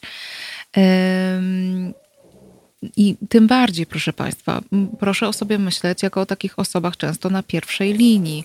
E, ja wiem, że uruchamia się takie myślenie, zwłaszcza kiedy mieszkamy w jakimś takim domu wielorodzinnym, w jakimś bloku na przykład, albo w, w takie myślenie, że cała wieś wie, tak? Albo pół miasta o tym mówi i nikt nie reaguje. No wiem, że uruchamia się taki mechanizm trochę mm, takiej psychologii, że mm, no przecież inni też wiedzą, to dlaczego oni nie zareagują. Albo ktoś na pewno zareaguje, przecież no, ta awantura jest tak głośna, że na pewno po prostu wszyscy naokoło tutaj słyszą. Proszę Państwa, a może nie słyszą, a może myślą dokładnie to, co Państwo, że ktoś inny zareaguje, a może nie zareaguje nikt. Lepiej, żeby zareagowały 3, 4, 8 osób z bloku, niż żeby nikt e, nie podniósł e, słuchawki telefonu i, i, nikt nie dał znać mm, na przykład na policję. Numer 112 to jest ten numer, pod który można zadzwonić w takiej sytuacji i poinformować o tym, że coś się dzieje, nawet jeżeli nie jesteście Państwo pewni co. E, patrol ma obowiązek przyjechać i sprawdzić, i patrol będzie podejmował decyzję, e, jak e, zareagować w tej sytuacji. Jeżeli czujecie Państwo, że możecie zareagować inaczej, reagujcie. Najważniejsze jest to, żeby mm, te osoby, które podlegają przemocy w danej chwili, zabezpieczyć po prostu. Wystarczy czasami otworzyć drzwi do swojego mieszkania i je wpuścić. Um, bo to jest, prawda, Paula, to też jest takie działanie, e, że mm, z tego co wiem, e, kiedy mamy na linii mm, osobę, która nam zgłasza, że jest w takim momencie, że dzieje się przemoc, to szukamy też takiego rozwiązania, czy ta osoba może się oddalić gdzieś na przykład do sąsiada. Jak najbardziej. No, szukamy po prostu bezpiecznego miejsca i myślę sobie, że że to co, to, co mówiłaś do tej pory, to jest też bardzo ważne, żeby uwrażliwić wszystkich, nie tylko osoby, których to bezpośrednio dotyczy, tylko mm. wszystkich, żeby mieć na uwadze to, że gdzieś komuś obok może dać się krzywda i my możemy coś z tym zrobić. I, i takie myślenie, żeby, że być może jest ktoś inny, albo być może y, mi się tylko wydaje, a tam się nic złego nie dzieje, to proszę Państwa, ja myślę sobie, że, że ważne, żeby w takiej sytuacji pomyśleć o tym, że jeżeli jest faktycznie tak, że, że nic się tam nie dzieje, że w tej rodzinie wszystko jest w porządku, to nasze zgłoszenie będzie tylko i wyłącznie troską i pozwoli nam się o tym przekonać. E, I nie zrobimy tej rodzinie krzywdy. Proszę mi uwierzyć, że jeżeli e, e, przyjedzie policja i wyjaśni taką sytuację, to tej rodzinie nie stanie się żadna krzywda. Dlatego myślę sobie, że, że warto pokusić się o taką interwencję, nawet kiedy nie mamy pewności, że to jest zdecydowanie lepszy krok niż to, żeby pozostawić taką sytuację samą sobie. Mhm. Czasami też działa takie mm, działanie samodzielne, to znaczy na przykład zapukanie po prostu do takich drzwi, bo to potrafi wyhamować potencjalnego sprawcę i jednocześnie dać też takie poczucie tej osobie, która podlega tej przemocy, że nie jest sama, że jakby co, to do tego sąsiada może zbiec, tak, to piętro niżej albo do tych drzwi naprzeciwko zapukać i być może mm, otrzyma wsparcie.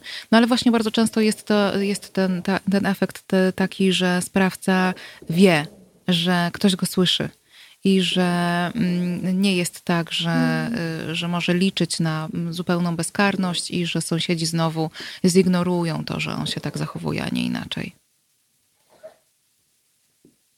Zgadza się. Hmm. No dobrze, Paula, trochę cię wyciągnęłam na rozmowę nie o dzieciach tym razem, ale e, jako. E, nie szkodzi, to też dzieci dotyczy. No właśnie, właśnie jako taka sytuacja, która no, niestety często dotyka, dotyka dzieci, e, wydało mi się, że warto jest o tym powiedzieć. Mm, no i cóż, dziękuję Ci bardzo, że, że byłaś, że, że gdzieś tutaj opowiedziałaś nam o tym, jak, y, co tam teraz słychać w telefonie zaufania. Mam nadzieję, że sytuacja dzieciaków y, się poprawi mm, jakoś w niedługim czasie, że to dziw, ten dziwny zapis o tym, że, że młodzież nie może wychodzić sama, nie może opuszczać y, domów, mieszkań, to jakoś no jednak zostanie zmieniony właśnie y, z myślą o tych osobach, które też nie mogą zostać w domu po prostu bardzo często.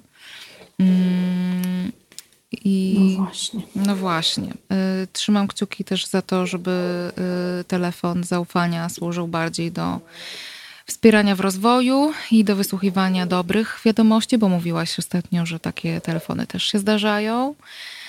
A nie do tego, żeby mm, wysyłać e, interwencje, e, patrole policji bądź karetki pogotowia.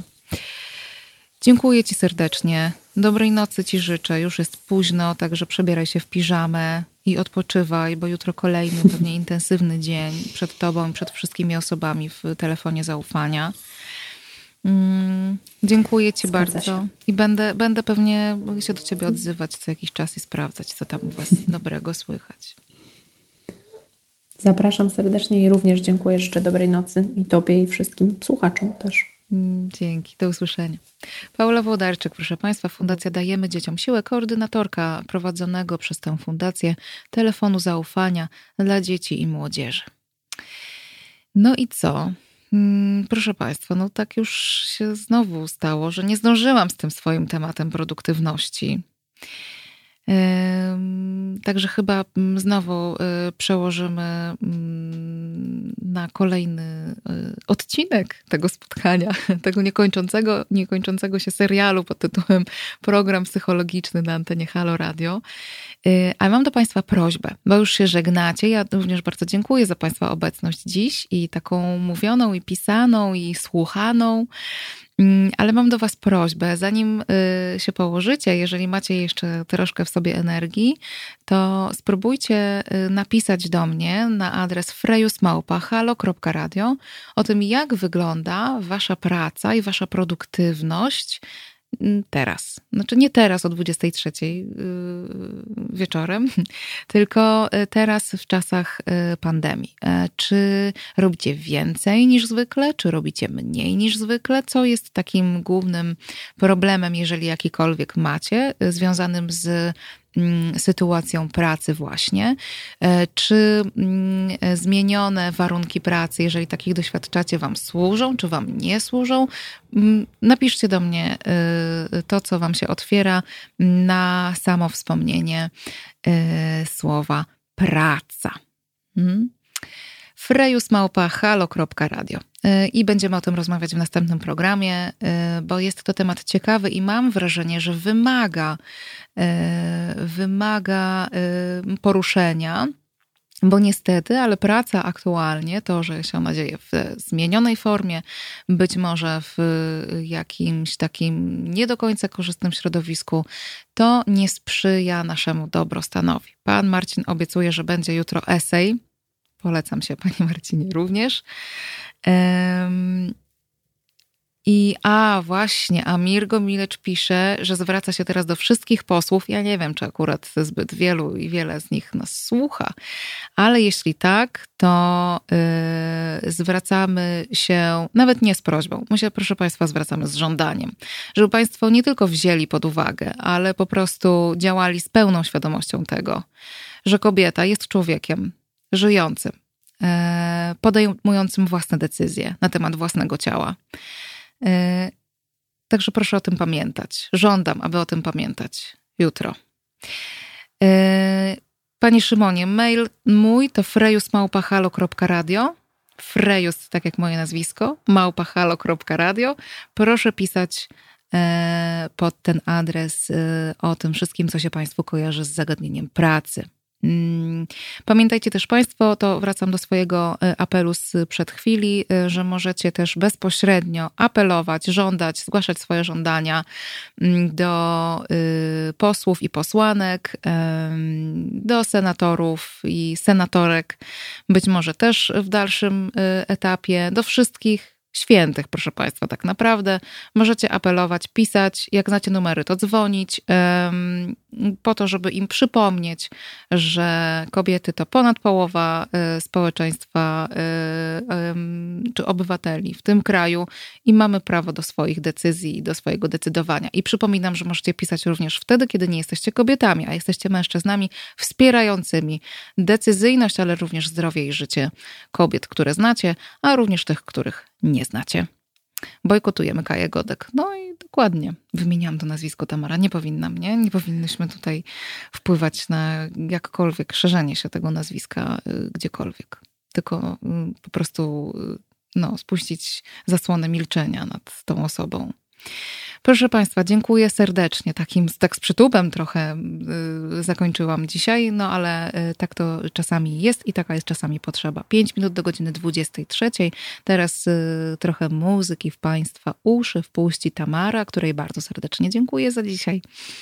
I Państwu też bardzo serdecznie dziękuję. Słyszymy się w niedzielę. Będziemy rozmawiać o psychologii i tematach około psychologicznych. Będę czekać na Państwa komentarze i telefony. A teraz już dobrej nocy. Do usłyszenia.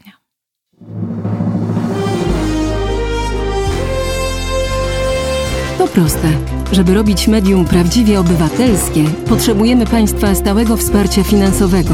Szczegóły na naszej stronie www.halo.radio, w mobilnej aplikacji na Androida i iOS-a oraz na koncie Fundacji Obywatelskiej w serwisie www.patronite.pl. Naszym darczyniom i darczyńcom serdecznie dziękujemy. www.halo.radio. Słuchaj na żywo, a potem z podcastów.